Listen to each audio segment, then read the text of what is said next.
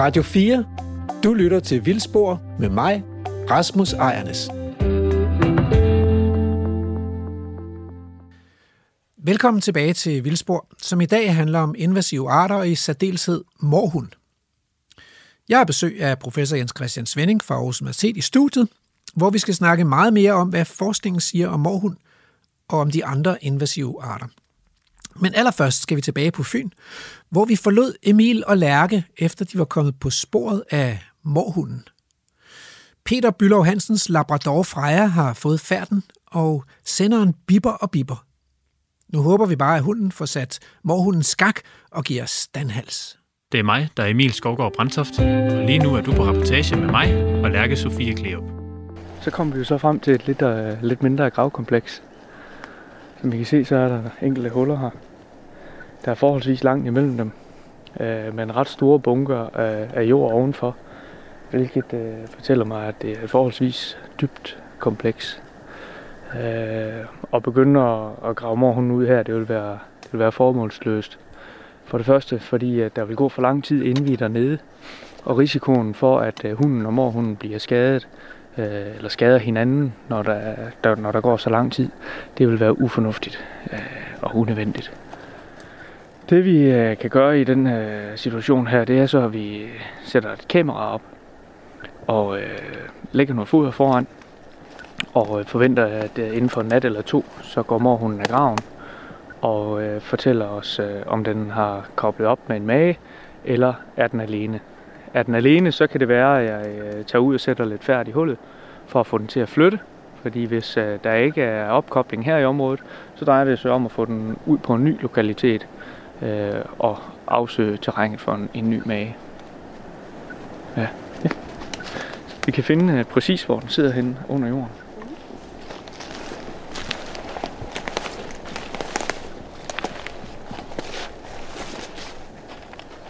Den sidder lige her. Ja, hvor er missen henne? Hvor er missen henne? Hvad? Kan du lige fortælle os, hvad rør den bruger? Hvad? Hvor er den henne? Sidder den derinde? Hvad? Ja, nu kan I godt se, hunden den markerer tydeligt, at det dufter dejligt derinde. Ja. Så det er højst sandsynligt den adgangsvej, mor hun den har brugt. Okay, nu skruer jeg op for pejlet, så kan I tydeligt høre, at vi, vi står lige ovenpå den. Ja. Hvor dyb, er, øh, hvor dyb er sådan en grav? Hvor langt nede i jorden sidder den her? Ja. Skal vi, øh, vi prøver lige at lægge mig ned og kigge i en hul her.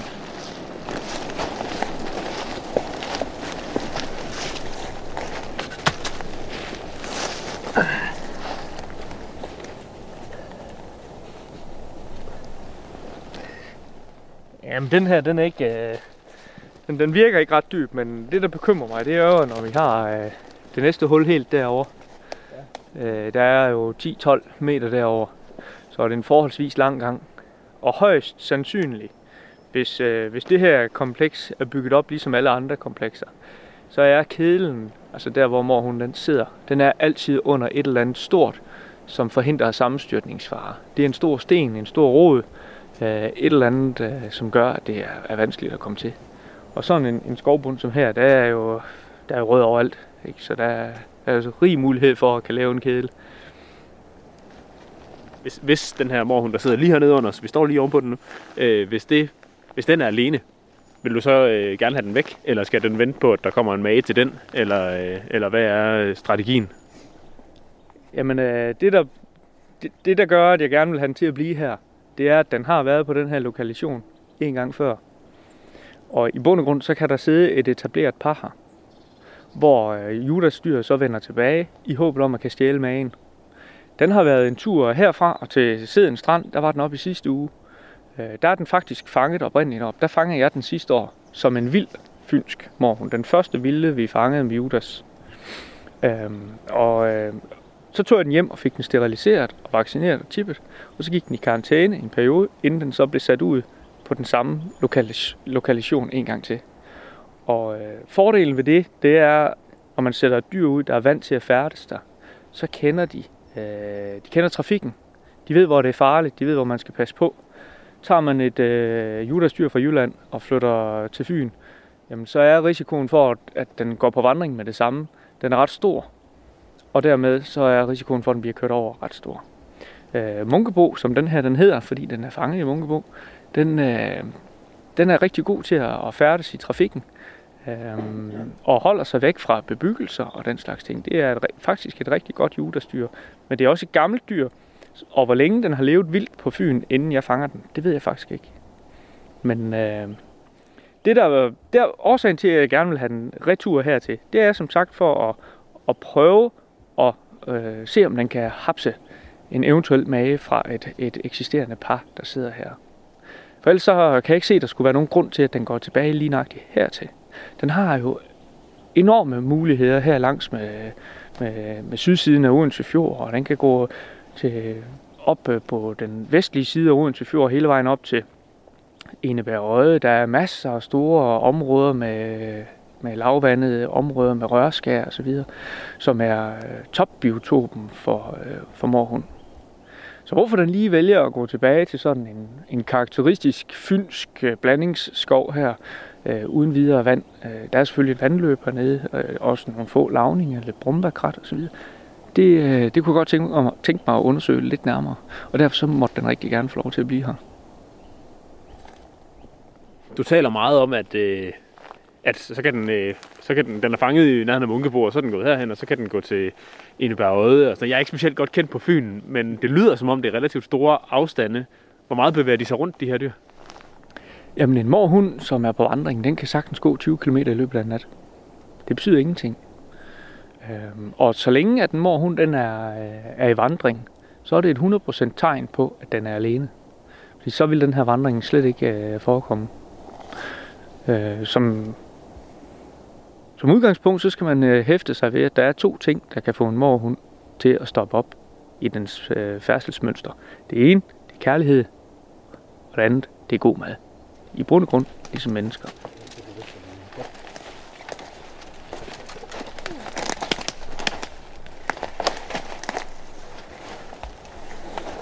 Ja, det som vi øh, kommer gående ind igennem skovbunden her, så, så møder vi en død kat, der ligger her.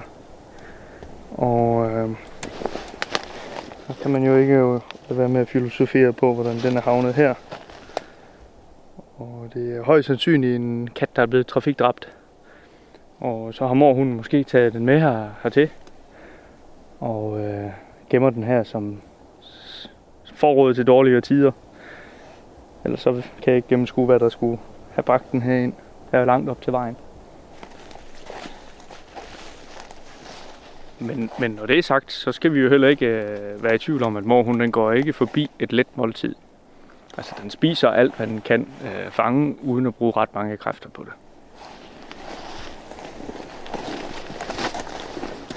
Se, nu er vi fremme ved det øh, gravkompleks, hvor jeg pejlede den for tre uger siden. Der sad den trygt og godt under jorden her, og øh, jeg vurderede, at det var ikke noget, vi skulle til at, at prøve at fiske den ud af. Øh, planen var jo, at vi skulle have fundet ud af, om den var blevet til to. Så lige herovre på et træ, der har jeg opsat et kamera og øh, smidt lidt foder foran. Og øh, to dage efter, der var mor hun på kameraet. Der sidder højst sandsynligt billeder af den over i kameraet, vi kan prøve at gå over og se.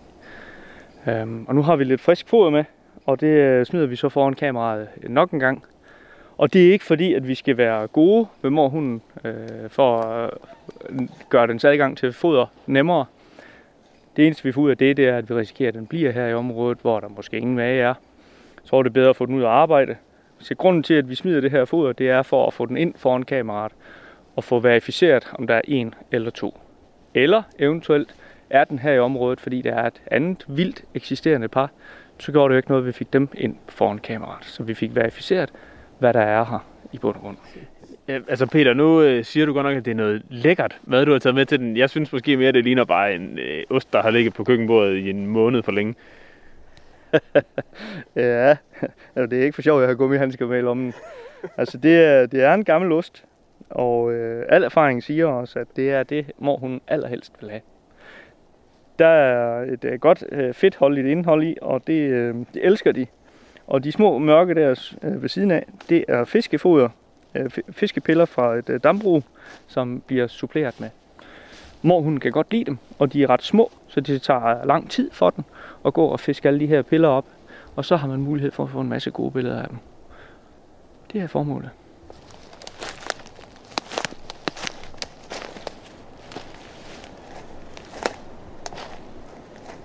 Her har vi så øh, kameraet siddende, og nu prøver vi lige at lukke det op.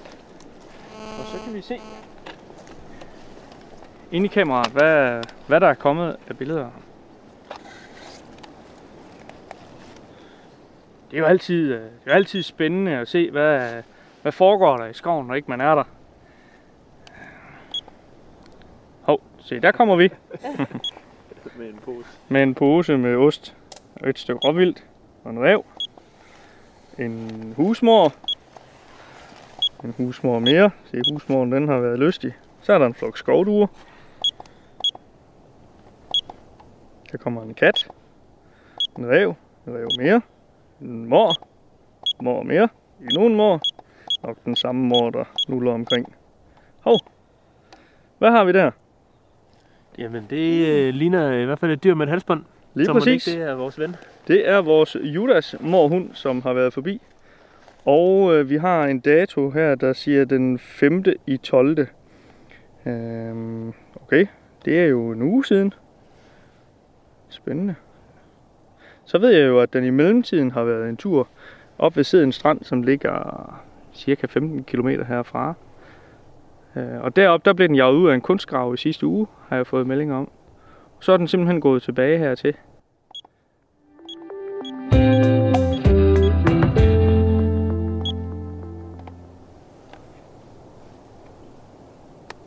Godt. Jamen, øh, vi øh, supplerer med lidt frisk foder. Og så holder vi stedet under skarp observation. Så de billeder, der kommer her på kameraet, de ryger jo direkte til min telefon.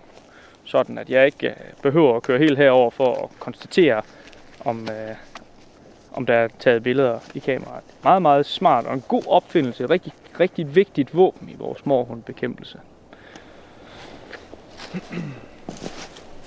Allerførst så, så tager vi den gode gamle ost her. Og det er simpelthen for at få lidt, oste, lidt osteduft på handskerne, inden jeg begynder at sprede øh, fiskepiller. Og øh, jeg brækker osten i lidt. Måske nok passe på ikke at, at ramme jer her. Brækker osten i nogle øh, små stykker. Det er ikke noget med, at man smider sådan en stor klump ost foran. Fordi det, der man får ud af det, det er, at så kommer grævlingen forbi, eller reven. Og så hapser den i den der ene klump. Og så, øh, så løber den i dækning og sidder og spiser osten i fred og ro. Og det får man ikke mange billeder af. Så derfor så drejer det sig om at få gjort øh, ostestykkerne her så små som muligt, så, man, så de simpelthen er nødt til at bruge tid foran kameraet. Og derved så får man, får man gode billeder. Et enkelt billede af en morhund her foran kameraet, det kan jo, det kan jo godt få mig til at, hvis vinklen den er dårlig, og jeg ikke kan se halsbåndet, så sover jeg jo dårligt, fordi så ved jeg jo ikke, om det er en vild, eller om det er Judas, der har været forbi. Derfor så er det vigtigt at få så mange billeder som overhovedet muligt. Nu ligger der jo næsten øh, to kilo muggen danbo ud på hele skovbunden her. Men, øh, Peter, du siger, at hvis du ser et øh, billede her af en morhund, som, øh, som, hvor du ikke kan se halsbåndet, så sover du dårligt øh, derhjemme. Hvordan, øh, hvad er det egentlig helt præcis, det handler om? Ja, men det, øh, det er jo, når man går rigtig meget op i tingene. Øh, jeg laver jo ikke det her for sjov. Det er jo fordi, at det skulle gerne munde ud i en fangst. Og når jeg siger, at det skal munde ud i en fangst, så er det fordi, at enhver fangst er vigtig for vores natur. Jeg ser jo om nogen de skader, en morhund den kan pådrage vores natur. For eksempel når jeg er på øh, vandring i de jyske fjorde i fangst på morhund, bevæger mig ud i de yderste rørskær, hvor grågåsen den yngler. Når man så har gået sådan en kilometer i fjordkanten der, og mødt et hav af gåseredder, som alle sammen er præderet, så finder man ud af, jamen hvad er det for en skade, den her morhund den rent faktisk kan ske og påføre vores natur. Og når man er så stor naturelsker, som jeg er, så må det for alt i verden ikke ske. Vi er nødt til at prøve at gøre, hvad vi kan for at holde det her under kontrol. Vi kommer højst sandsynligt aldrig af med den, men kan vi holde den på et niveau, hvor vores øvrige fauna også kan, kan leve med den, så, så, så er den velkommen for min skyld. Men øh, vi er bare nødt til at passe på, at det ikke øh, løber løbsk for os. Og vi kan jo se med den rivende udvikling, hvor bestanden har, så, øh, så er det skræmmende. Det er virkelig skræmmende. Ja, det leder måske lidt op til det næste spørgsmål, hvor, om hvordan, øh, hvordan, hvor godt virker den her indsats, der bliver gjort? Kan det, kan det rent faktisk lade sig gøre at holde øh, bestanden nede? Jamen, øh, en af vores udfordringer, tror jeg bestemt, det er, at vi har en enorm indvandring sydfra. Øh, vi har et suverænt netværk etableret nu, blandt andet i Jylland, med morhundebander og frivillige og øh, Danmarks Jægerforbund de gør en kæmpe indsats for at få alle danske jæger gjort aktive i morgenbekæmpelsen. Og det har vi måske, vi har måske ikke set alvoren tidligt nok. Og øh, vi har nok heller ikke været helt forberedt på, hvad det var for et dyr, vi var op imod. Fordi øh, når man ser på morhunden som, som rovdyr, og som jæger, og som nataktiv, så, er, så kan man ikke andet end blive fascineret. Så alle folk siger, når man henvender sig til dem, dem har vi ikke, fordi vi ser dem ikke. Men når man så opretter en foderplads, vi jo har her, ikke, hvor vi smider lidt øh, foderstoffer foran øh, kameraet, så går der aldrig lang tid før, så finder folk ud af, gud, jamen de er der jo alligevel. Morhunden den er fantastisk til at holde sig skjult. Der er ikke nogen, der skal være i tvivl om, at morhunden den står først op, når den er sikker på, at vi alle sammen er gået i seng. Og når så øh, lyset begynder at gå af himlen ud i den ene kant igen, jamen så søger den sit øh, dagsæde, og så sidder den der fuldstændig passiv hele dagen. Et fantastisk dyr til at skjule sig. Når man ser på øh, morhundens pels for eksempel, så er den jo vanvittigt godt kamufleret. I realiteten kunne der have ligget en øh, over i den der tot græs. Vi kunne have gået lige forbi den på ganske få meters afstand. Og havde den bare ligget og trykket, vi har ikke set den. Ja, nu har jeg jo sådan en øh, lille pose her med lidt fiskepiller i. Og øh, jeg har lige drysset osten ud, så jeg, jeg har øh, dejlig oste, øh, osteduft på øh, handskerne. Og nu tager jeg så de her håndfulder med fiskepiller. Og så drysser jeg dem lige så stille ud på skovbunden her. Størrelsen på dem betyder, at de er nødt til at gå ret lang tid foran kameraet for at spise sig med det. Og så har man mulighed for at få en masse gode billeder. En anden fordel ved dem, det er, at de er sorte. De er mørke. De falder rigtig godt i med skovbunden. Og det vil sige, at når kraverne de sidder oppe i toppen af træerne der, så, øh, så får de ikke så nemt øje på dem. Det er værre med osten. Den øh, lyser jo lidt.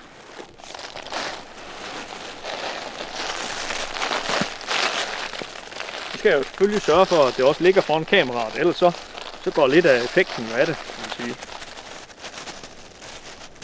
Sådan. Radio 4 taler med Danmark.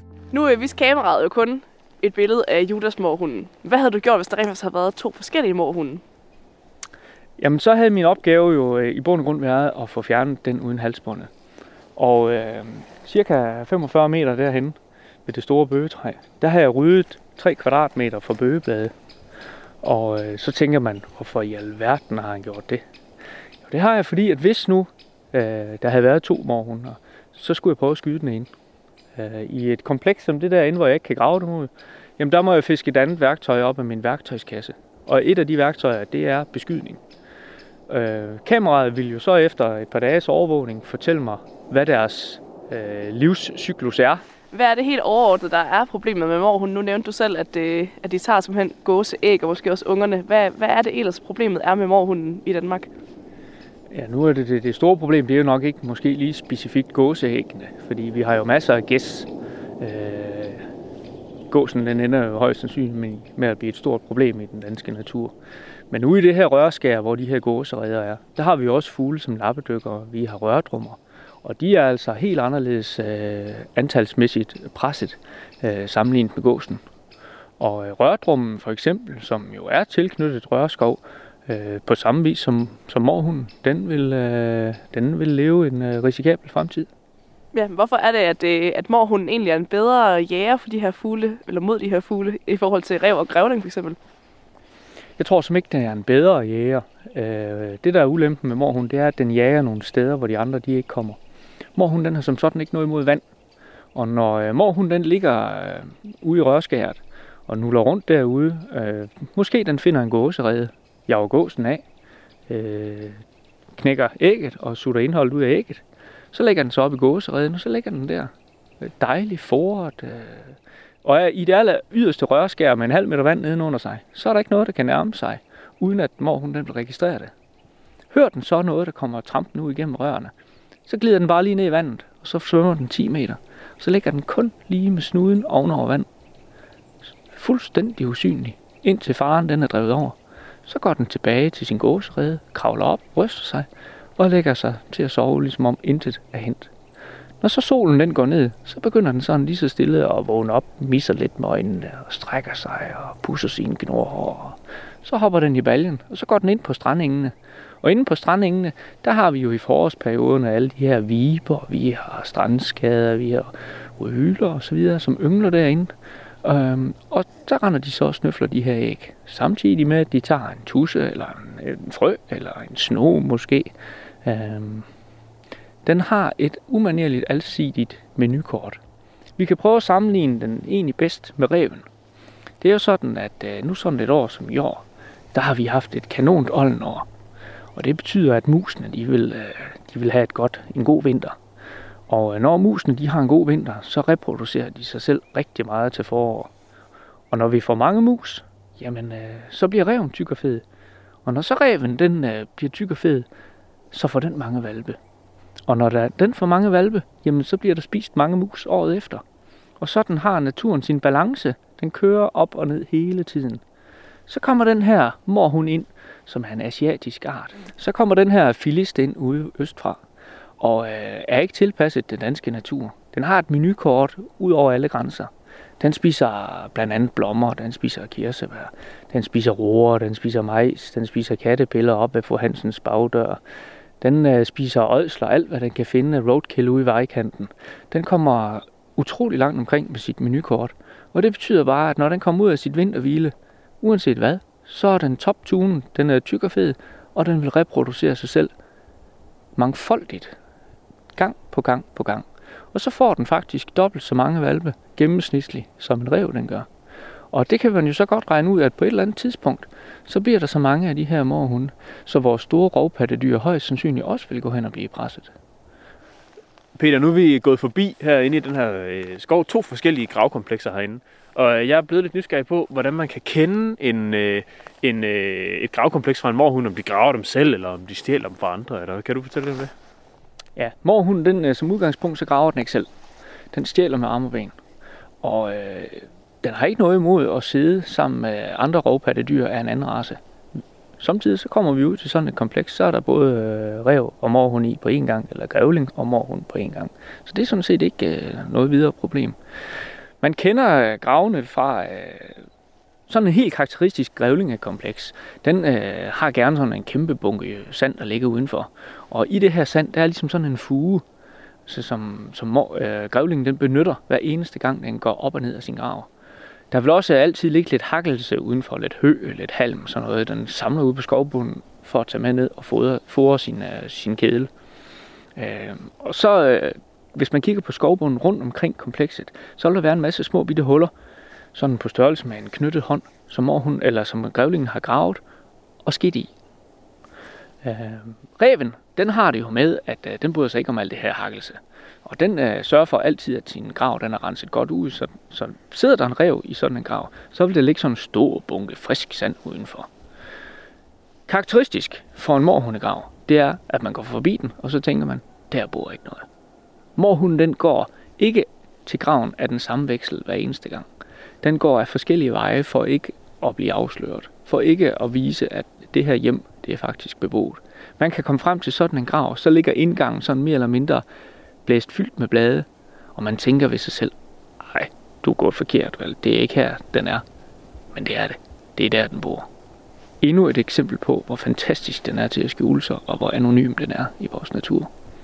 Jamen det, altså det, er jo, det er jo også det, vi så derhen faktisk. Altså, øh, jeg tænkte nemlig, da vi kom ind til den første grav, at det her det ligner måske en forladt øh, revegrav eller et eller andet, og det var helt fyldt med blade, og hun, øh, Freja, stak øh, hovedet ned i det der kæmpe hul, der var fyldt med blade, ikke? Og der tænkte jeg, det, øh, det var godt, vi havde den der pejling med til at kunne høre, at den faktisk sad lige dernede under. Øh, fordi øh, jeg havde nok netop tænkt, at her bor ikke nogen. Ja, nu er vi så øh, færdige med vores foderplads her. Vi har smidt både lidt ost og lidt øh, fiskepiller ud. Vi har kontrolleret, at kameraet det er stadigvæk fyldt med batterier. Så nu kan vi ikke gøre så meget mere her, andet vi kan forlade stedet, og så kan vi væbne os med tålmodighed. Peter, det har været virkelig spændende at være, øh, være med på, øh, på jagt efter morhunden herinde i dag. Du har fortalt, at de kalder den øh, munkebo, og lige her til sidst, så kunne jeg faktisk godt tænke mig at høre lidt om, hvordan dit forhold er til den her, fordi du, øh, du bruger den jo som en slags samarbejdspartner i dit arbejde, og uden den kan jeg forestille mig, at det vil være rigtig svært for dig at udføre dit job. Hvordan er, hvordan er dit øh, forhold til munkebo? Jamen, du har fuldstændig ret. Øh, det er et arbejdsredskab fra, fra min side af, men det er også et dyr, som jeg har en enorm respekt for. Øh, det kan godt være, at vi gerne vil af med morhunden øh, og have så mange af dem fjernet fra, fra jordens overflade som muligt. Men vi skal også hele tiden sørge for, at vi gør det ordentligt. Det skal være etisk korrekt, det vi har med at gøre. Øh, Og det skal også være en opfordring til vores jæger rundt omkring i landet, at når vi er på regulering af morhund, så skal vi sørge for, at, at det foregår øh, etisk korrekt. Øhm, men for at vende tilbage til Munkebo, så, øh, så fanger jeg den øh, faktisk selv sidste vinter, som en af de første fynske øh, vildt levende morhunde. Og øh, det, var jo, øh, det var jo stort for mig at fange øh, min den første fynske morhund. Jeg har en kollega, der har, har fanget en for nogle år tilbage. Men den fandt vi aldrig rigtig ud af, om det var en undsluppen øh, fra en, en pelsdyrfarm, eller om det var en vild. Det ved vi selvfølgelig heller ikke med den fra sidste år, ja. men det har jo været forbudt at holde morhund i fangenskab i adskillige år efterhånden. Så sandsynligheden for, at det er en, en rigtig vild, den er ret stor. Og øh, at lave sådan en fangst, det, det går jo lige i blodet på en. Og øh, når man så tager den til, øh, til dyrlægen, øh, velvidende, at man skal bruge den igen senere, så sørger man for, at ens behandling af den hele tiden er i orden. Og øh, når man er på fangst, så sørger man også for, at øh, i videst mulig omfang, at øh, hunden behandler den ordentligt. Øh, der skal man virkelig være vaks med haveloven til at begynde at gribe ind. Øh, fordi det er jo et rovdyr, og hunden er jo i bund og grund også et rovdyr. Og risikoen for, for slåskamp, den foreligger jo altid, fordi de prøver begge to at forsvare sig. Og der er det min opgave at være hurtig og vaks ved havelågen og få den slags ting stoppet, sådan at vi ikke har nogen af dem, der kommer galt afsted. Det er ligesom ikke det, der er meningen med det. Men øh, det er ikke sådan, at jeg bliver fadervor over dem hver aften og øh, kæler dem kærligt bag ørerne, når vi, øh, når vi mødes på vores vej. Øh, for mig der er det et arbejdsredskab. Og øh, den dag, den kommer galt afsted og ikke kan reddes, jamen, så er jeg den første til hurtigt at træffe beslutningen og aflive den. Du lytter til Vildspor med mig, Rasmus Ejernes. Spændende at være med feltteamet på Morhunde-tracking. Næsten som at være der selv. Men nu er jeg så også snart ved at have lidt ondt af Emil og Lærke. Kraverne fløj for højt, da de var på jagt med Niels Kanstrup. Krognæb, alias Bærsvin, legede gemmeleg med dem i vendsyssel, og morhunden har gemt sig under jorden på Fyn. Det er lidt unfair, altså. Men hvad er det med den morhund der? Når vi hører Peter fortælle, så får jeg både fornemmelsen af, at at det er et fascinerende og meget tilpasningsdygtigt dyr, men det bliver også helt klart ikke, at det er et dyr, som udgør en trussel mod Danmarks øvrige natur, fordi at det formerer sig uhemmet og æder alt på sin vej, og dermed altså også et dyr, som skal bekæmpes. Her i studiet har jeg besøg af Jens Christian Svending, professor i makro, makroøkologi og biodiversitet ved Aarhus Universitet. Og øh, Jens, det der med at formere sig uhemmet og æde alt på sin vej, det lyder jo lidt som det, vi mennesker gør, men, øh, men hvor slem er den her morhund egentlig, øh, når den sådan øh, er sluppet fri nu i Danmarks natur? Jamen altså, min faglige vurdering er, at den er i virkeligheden ikke særlig slem, og den opfører sig nogenlunde normalt, kan man sige, for en art i vores natur. Nu kunne der så godt være nogen, der blev en lille, altså lige fik kaffen lidt galt i halsen, ikke? Fordi hvis man taler med jæger, og faktisk også med mange ornitologer, så er man meget bekymret for, den her hund, øh, morhund, den skal rasere naturen, øh, formere sig uhemmet, optræde tusindtalligt og øh, æde alle de fugle, der er ude i vores vådområder, øh, engene, moserne, strandengene. Jamen, jeg vil sige, det er en uh, unødvendig bekymring, fordi at uh, vi har haft morhund i Europa i nyere tid. Uh, siden uh, midten af det 20. århundrede, godt og vel, i Østeuropa har den været vidt udbredt i lang tid. Uh, og så der er det jo faktisk sådan, at det meste af af naturen, af biodiversiteten, har det jo bedre i Østeuropa end i Vesteuropa, så det er jo ikke sådan, at fordi der har været morhund derovre i årtier, at der ingen øh, vandfugle er tilbage, at der ingen padder er tilbage eller noget som helst. Tværtimod, så, så går det jo bedre for naturen overordnet set i Østeuropa, end det gør her. Så sådan med de store briller på, så kan vi sige, nej, men der sker ikke nogen katastrofer ved at have morhunden i systemet. Men det er ikke sådan, at du vil benægte, at den er fremmed. Den- Den er god. Det er en fremmed art, ikke? Kun som delvis, vil jeg sige. Altså, den kommer fra Østasien. Det, som, art, som art har den aldrig været i Europa. Mm. Øh, men den slægt, som hun tilhører, som i dag kun har den art, den har været i Europa før i tiden. Vi taler om, om en million års penge tilbage og før. Øh, og den har faktisk også været i Mellemøsten, sådan Israel-området, indtil for en 100.000 år siden eller sådan noget. Så den er sådan ikke særlig fremmed. Og man kan sige, at mange af de arter, eller i hvert fald... Øh, øh, som den lever sammen, som den, som den interagerer med her i Europa, de findes også i Østasien, eller også så findes der nogle meget tæt beslægtede. Men for eksempel de to arter, som sådan øh, øh, minder mest om den, som vi har som hjemmehørende i europæisk natur nu, det er jo reven og gravlingen. Mm. Øhm, og reven findes også i Østasien, og, der, og i Østasien findes der en søsterart til gravlingen, som er super tæt på den gravling, vi har så meget, som man ofte har regnet dem for den samme art. Mm-hmm. Øh, og der lever, samme eksisterer det fint, som de i øvrigt også gør i, i Østeuropa. Okay.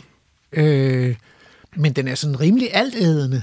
Er, er det ikke et problem? Fordi øh, det lyder som om, at, øh, øh, at, at, at Peter her, han er en lille smule bekymret ved, at øh, når den ligesom har så bred en diæt, så er der ikke noget, der ligesom holder den tilbage fra at, at, at vokse eksponentielt, altså bestanden af, af morhunden. Nej, det kan man ikke sige. Det er jo helt, det er jo, det er jo helt naturligt, at, at der er dyr, der har det, man kalder en altædende diæt. Det er jo helt normalt. Det har, det har altså en gravling kan man også kalde altædende. En brun bjørn er altædende, et vildsvin er altædende. De har spiser både planter og dyr i ret store mængder. Der er masser af, masser af dyr, som er bredspektrede, og det gør dem ikke til, til et problem, og faktisk så er, er den overordnede diætsammensætning for mor hun øh, ganske tæt på, hvad man ser for, for rev og gravling. Øh, så, så det er ikke, fordi den er super afvigende. Jeg har faktisk noget øh, med til dig her, som jeg lige skal, have, skal åbne, og så kan du gætte, hvad, hvordan det kan være, at vi har fået den i studiet. Vil du, hvis du lige vil sætte næsen til her en gang. Mm, det er en gammel ost. Ja, Herligt. Det er, det er nemlig en gammel... Kan du gætte, hvorfor vi lige har en gammel ost i studiet her? Men det er noget med, at mor hun godt kan lide ost. Ja, det er ret vildt, altså. Det, det, jeg kan svært ved at forestille mig noget ude i den vilde natur, der lugter så, er så modbydeligt som det der. Ja, det kan jo ikke være, fordi den er vant til det hjemmefra, fordi i hvert fald kineserne laver ikke ost, og, og de fleste kinesere synes heller ikke, ost det er det mest fantastiske, der er opfundet. Det kan være, det er derfor, den er kommet øh, for at få noget ordentlig ost, altså. Jamen, det kan godt være. Jamen, det var, det var i hvert fald øh, lidt overraskende for, overraskende for mig at høre, at hvis man skulle logge en morhund til, så var det simpelthen bare at nulle sådan en gammel ost der, øh, og huske at tage gummihandsker på. Altså, det kan være, fordi det lugter lidt af dødt dyr, og, det, og, og, og morhunden, den er faktisk ret glad for at spise døde dyr, så man regner med, at mange af, af de padder og, og, og andre dyr, som man finder i afføringen fra morhunden, som man har kigget på for at forstå, hvad de spiser, det faktisk er, er dyr, der er blevet kørt over, som den kommer og spiser. Også Mm. hjorte for eksempel, for den er alt for lille til at nedlægge en hjort. Ah. Så måske hører den egentlig til i sådan en ådselsfauna i høj grad, altså i et naturligt økosystem, eller hvad? Ja, det vil jeg tro. Altså, den spiser ikke kun osler, men den er glad for osler. Ja. Fordi nu, nu talte du tidligere om, at, at noget af det, der ligesom... Øh, øh, noget af det, vi skulle... Noget af den viden, vi skulle drage nytte af for at forstå de her invasive arter, også forstå, hvordan, hvorfor de bliver talrige, eller hvordan de kunne blive mindre talrige, det, det, det er noget med de der naturlige processer.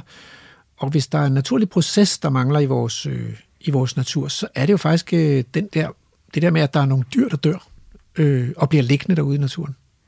Jamen det er rigtigt, det mangler jo super meget, og det er jo et problem for alle mulige arter, som faktisk er knyttet til døde dyr. Ikke? Det er ikke det er sådan godt og vel 10 år siden, at man genfandt, hvad man troede var den eneste kendte uddøde art af flue, som netop sjovt nok er knyttet til gamle ådsler af store dyr, som man har kendt sådan fra 1800-tallet i Europa, og så har man ikke så har man ikke genfundet den, fordi vi er så gode til at rydde op, så er dens øh, habitat simpelthen forsvundet. Men så, så fandt man den så lykkeligvis øh, nede, i, nede i Spanien, hvor de ikke altid følger reglerne så, så, så snært, som vi synes, vi skal her i, i Danmark. Den hed faktisk osteflue, hvis jeg husker, ikke husker... Eller også er det bare, fordi jeg ikke kan tænke på andet end ost, er her. Nej, det er faktisk, nej, det er ikke helt rigtigt, men den er meget tæt på. Okay. Fordi, fordi den her, den findes kun på Oslo, men der er, en, der er en naboart, som man kun kender fra ost, så vidt jeg ved. Men det er jo ikke dens naturlige habitat. Den er formodentlig en, en ådselsart, som så er kommet over på, på ost, og så kender man den ikke i naturen. Mm. Lidt ligesom med hussvampen, som jo man jo i hvert fald øh, primært kender fra fra, fra, fra bygninger, men det er jo heller ikke der, den er udviklet. Mm. Den er udviklet til gamle træer, som vi talte om før, mm. men, men der, det er jo også en habitat, der mangler mange steder, så der har, der har man i hvert fald også svært ved at finde den i dag. Apropos øh, lille humlebille i jernbanesvætter, øh, kan man sige. Så, så der er nogen, der ligesom har måttet slå på øh, et andet fødevalg i et øh, menneskeskabt landskab, og hvis det lykkes for dem, så kan de jo klare sig ganske godt og blive ganske, ganske talrige.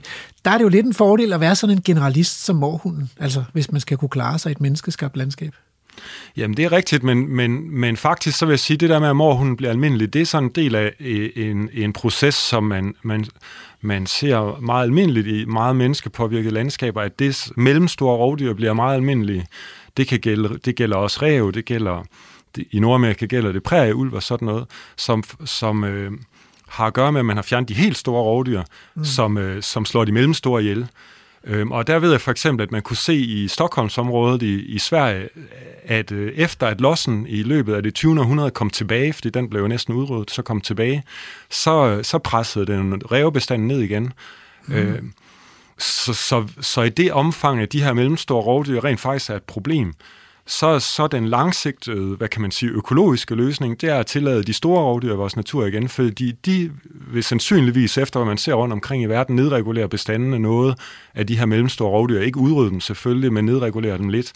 Øhm, og det er ligesom den langsigtede løsning. Fordi det andet problem, som jeg vil pege på omkring øh, morhunden, ikke, det er, at hvis vi skal være rationelle i forhold til vores tilgang til at behandle invasive arter, så for at bruge ressourcer på at bekæmpe dem, så skal vi for det første etablere, at de rent faktisk er et problem for den resterende biodiversitet.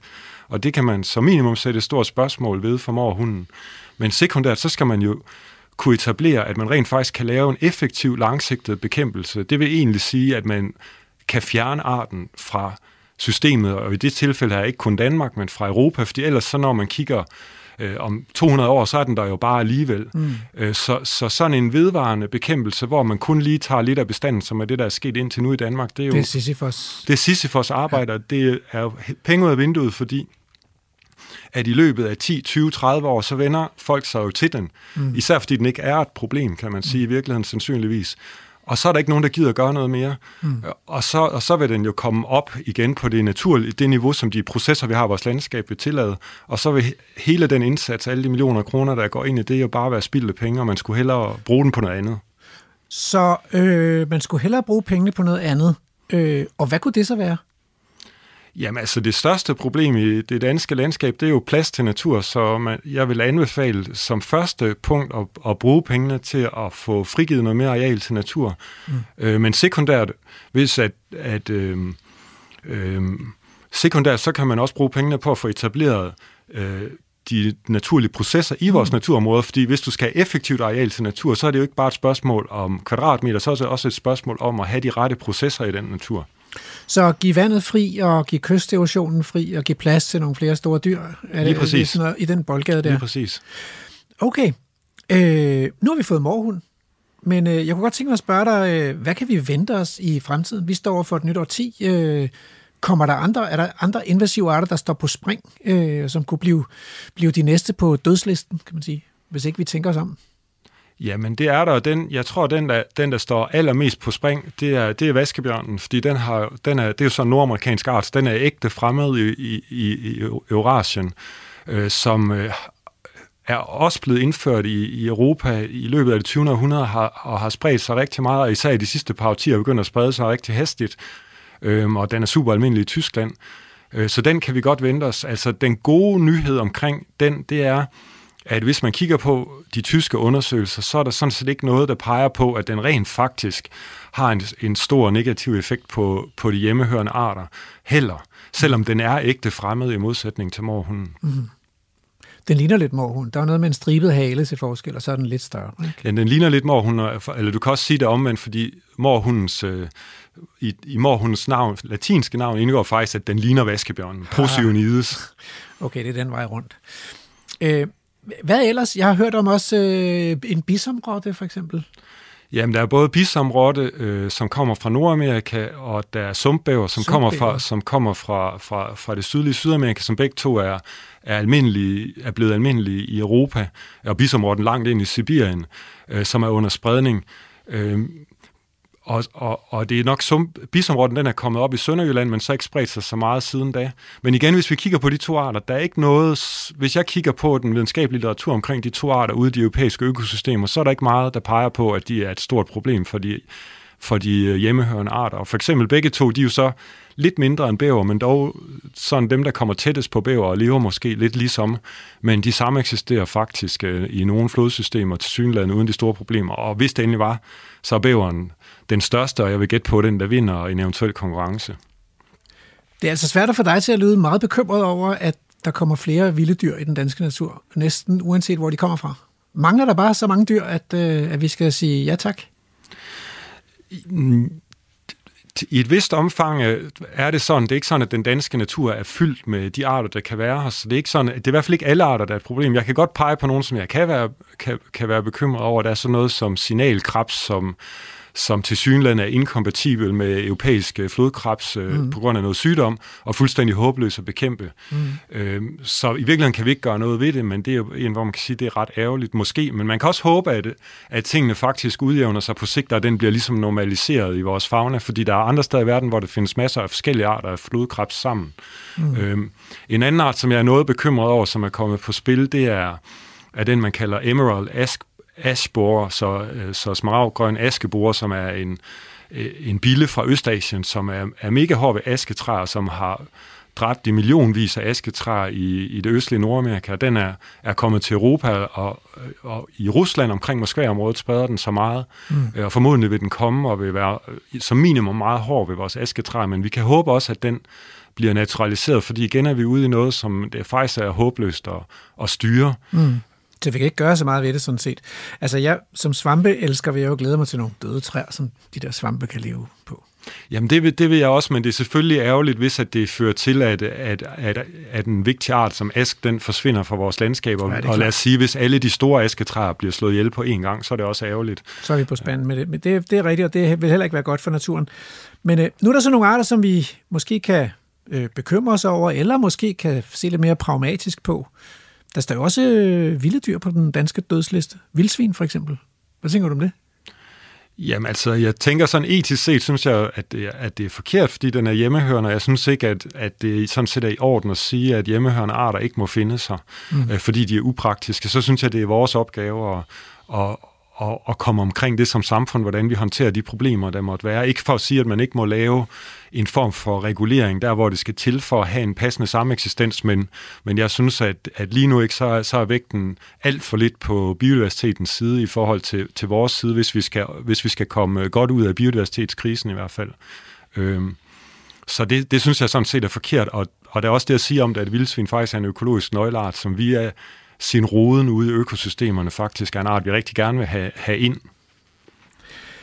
Så, så øhm, altså, jeg har forstået dig ret, ikke? at det du i virkeligheden siger, det er, at, at der er brug for lidt et paradigmeskift i den måde, vi omgås de der store pattedyr på i vores verden. Vi har haft en tendens til at se på dem som, som, som, øh, som noget jagtbart vildt og dele dem op i nogle onde arter og nogle gode arter, men måske skulle vi snarere se på dem som en del af vores økosystem og arbejde med de naturlige processer for at finde måder at sameksistere med dem på?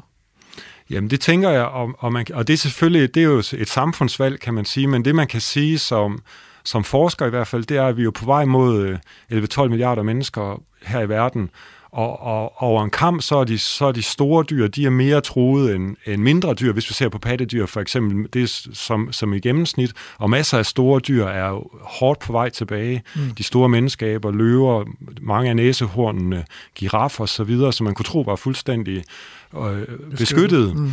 Øhm, og, og, og pointen er bare, at øh, hvis de her dyr skal have en, øh, en plads i, i verden fremover, så er vi nødt til at give dem den plads, fordi der er så mange mennesker.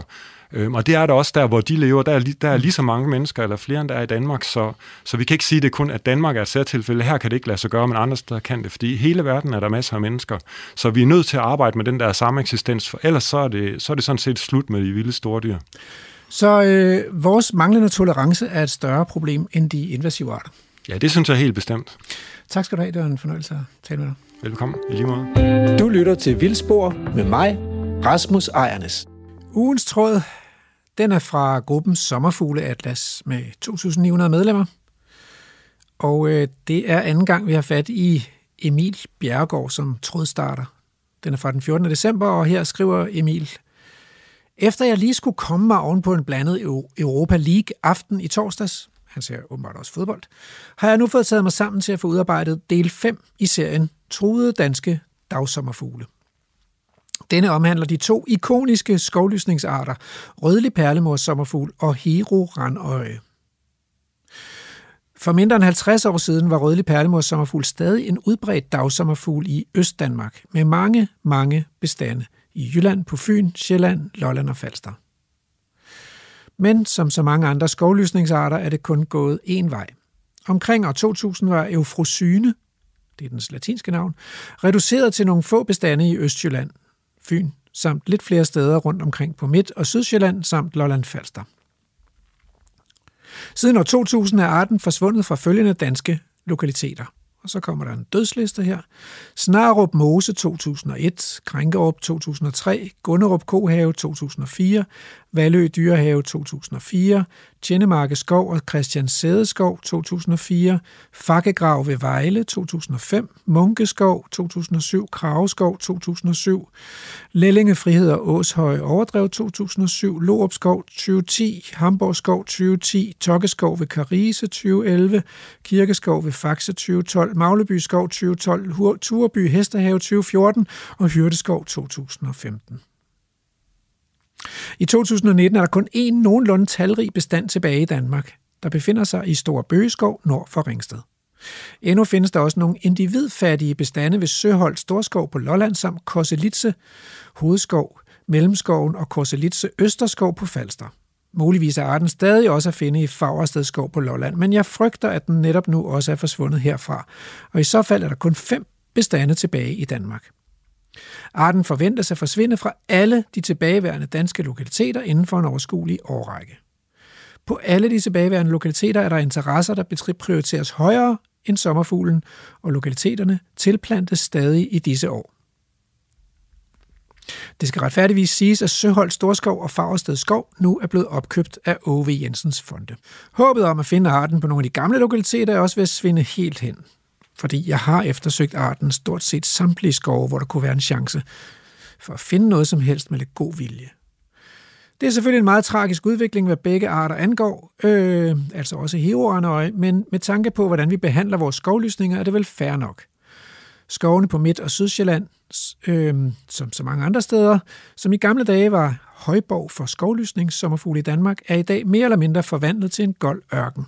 Og det er i bund og grund dødsygt efterhånden kommer der en lang beskrivelse af Heroranøje, der også, øh, ja, den er uddød i Danmark, men dens øh, grumme historie, øh, den forsvandt i øh, 1981-82, øhm, og øh, det er på vej til at gå lige sådan i øh, Sverige, og øh, den er også uddød i Holland, Belgien, Luxembourg, Schweiz og Tjekkiet.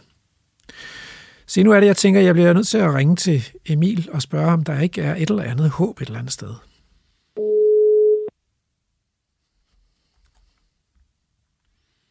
Er det Emil Bjergård, jeg har fat i? Ja, det er det. Det er Rasmus Ejnes fra øh, Vildsborg på Radio 4. Må jeg godt forstyrre dig lidt? Ja, det gør du bare. Se, hvis jeg nu siger øh, terning sommerfugl, poppelsommerfugl, nemosyne, herorandøje, perlemorrandøje, slåen sommerfugl, egesommerfugl, skovhvidvinge og enghvidvinge, hvad siger du så? Jamen, så har du ramset øh, de uddøde skovlysningsdagsommerfugle op fra Danmark, som er ja, forsvundet fra landet siden 1950'erne. Eller det er i hvert fald det, de sidste bestandarter, der er forsvundet. Tilbagegang, tilbagegang jeg startet meget før. Øh, det er fuldstændig korrekt, og øh, det vidste jeg selvfølgelig godt, at du vidste. Men, øh, men jeg kunne godt tænke mig at spørge dig, hvordan undgår du at blive deprimeret øh, over de her minutiøse kortlægninger, du har lavet af dagsommerfuglenes langsomme, men meget sikre forsvinden? Øh, altså, jeg har nok taget det værre tidligere, end jeg gør nu. Altså, nu tager jeg det nok meget stille og roligt. Altså, verden, verden er jo ikke ved at gå under. Øhm, så altså, jeg ved ikke, jeg gør nok ikke så meget specifikt. Der, øh, der, er, der er så meget, man kan, man kan gå og ærges over, men verden er ikke ved at gå under. Men jeg, øhm. jeg kan læse, at du er begyndt at, at kigge, lidt, kigge dig lidt omkring i verden, øh, så du har blandt andet været ja, på, ja, jeg på, på Balkan. Og det er sådan lidt for at komme væk fra, øh, fra Danmark, fordi der er jo ikke så meget tilbage. Der er simpelthen ikke så mange, meget kigge på længere. Nej, de, øh, altså hvis man kigger på arterne, så er der jo stadigvæk en, en pæn procentdel tilbage. Øhm, men jeg går også rigtig meget op i lokaliteter. Mm. Og hvis man kigger på, hvor mange bestander er af de her arter, så ser det straks sværere ud. Så lige meget hvilken øh, sommerfuglelokalitet du kommer på i dag, så er der langt færre arter af sommerfugle, end der Jamen, var der, findes ikke, for... der findes ikke nogen lokaliteter i Danmark, hvor der ikke er forsvundet dagsommerfugl. Der findes ingen steder. Du kan ikke nævne nogen steder overhovedet. Nej. Altså alle steder forsvinder arter, og det går lynhurtigt. Og det er jo nok desværre en udvikling, der bare fortsætter øh, som en nærmest ustoppelig bølge over ja, hele Europa. Men det er ret vildt, ikke? Fordi at øh, arealet med skov er jo blevet 4, 5, 6 doblet i Danmark de sidste 200 år. Ja, det er rigtigt. Så det er jo del med godt nok sært og urovækkende, ikke? At øh, de skovlevende dagsommerfugle er uddød i samme periode. Det er jo, som du selv godt ved, fordi at de øh, har et regime i Danmark, hvor at, øh, det vi prioriterer, det er skovdyrkning, hvor man, altså vi vil gerne have mørke og tørre skov, som man tynder, øh, som egentlig bare er en masse intensive træmarker, hvor at træerne står i lange lige rækker. Der er jo ikke de naturlige dynamikker, øh, der gør sig gældende, som der jo tidligere gjort, og det det jo oprindeligt er udviklet under. Øhm, og den, den slags, altså de der naturtyper, dem har vi stort set ikke mere i Danmark. Øh, rødlig perlemorsommerfugl, som jo ikke er forsvundet nu, der findes stadig fem bestande tilbage i Danmark, Ja. øh, som tidligere har været, ja, været sprøjtende almindelig. Den har vi jo stadig. Men prøv at høre, det er jo en af de sidste skovlysningsarter, vi har, måske den sidste, der er tilbage i Danmark. Det er næsten Ej. ubærligt at skulle miste den også. Altså, øh, hvis nu politikerne virkelig mente det alvorligt, hvad, hvad skulle der så til for at redde øh, rødlig perlemors sommerfugl? Øh, ja, øh, for det, man skulle nok starte med at samle et hold eksperter, øhm, og så kunne man tage udgangspunkt i de, nogle af de erfaringer, man har øh, fra England, hvor man faktisk har haft en, en del projekter, både reintroduktionsprojekter, øh, men også øh, projekter øh, med de forvejen kendte bestande, som man har, har prøvet at redde. Øhm, det, der er med eufosyne, eller rødlig perlemor sommerfugl, den har overlevet i nogle produktionsskove, øhm, så det, altså det er en art, du i princippet godt kan dyrke. Ja.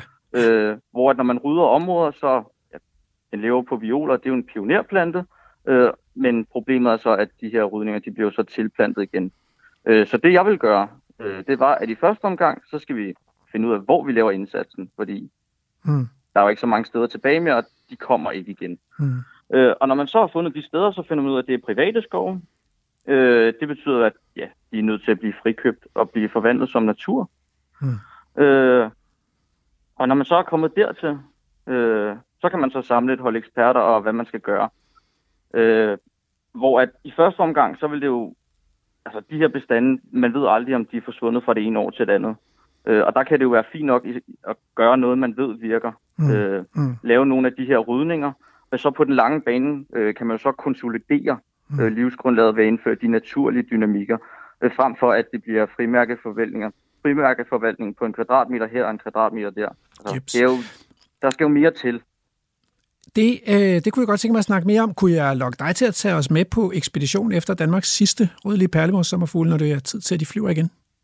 Ja, det bliver en gang i øh, starten af maj måned. Fedt. Det er en Og så aftale. skal, det bliver det en tur østpå. Meget gerne. Tak skal du have for at gøre os klogere. Ja, det var så lidt.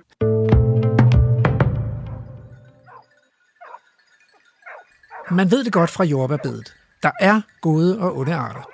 Kvik, der gemmer sine grimme, bleghvide jordstængler helt ind under jordbærplanternes travlerødder, er helt klart en af de onde arter i min køkkenhave.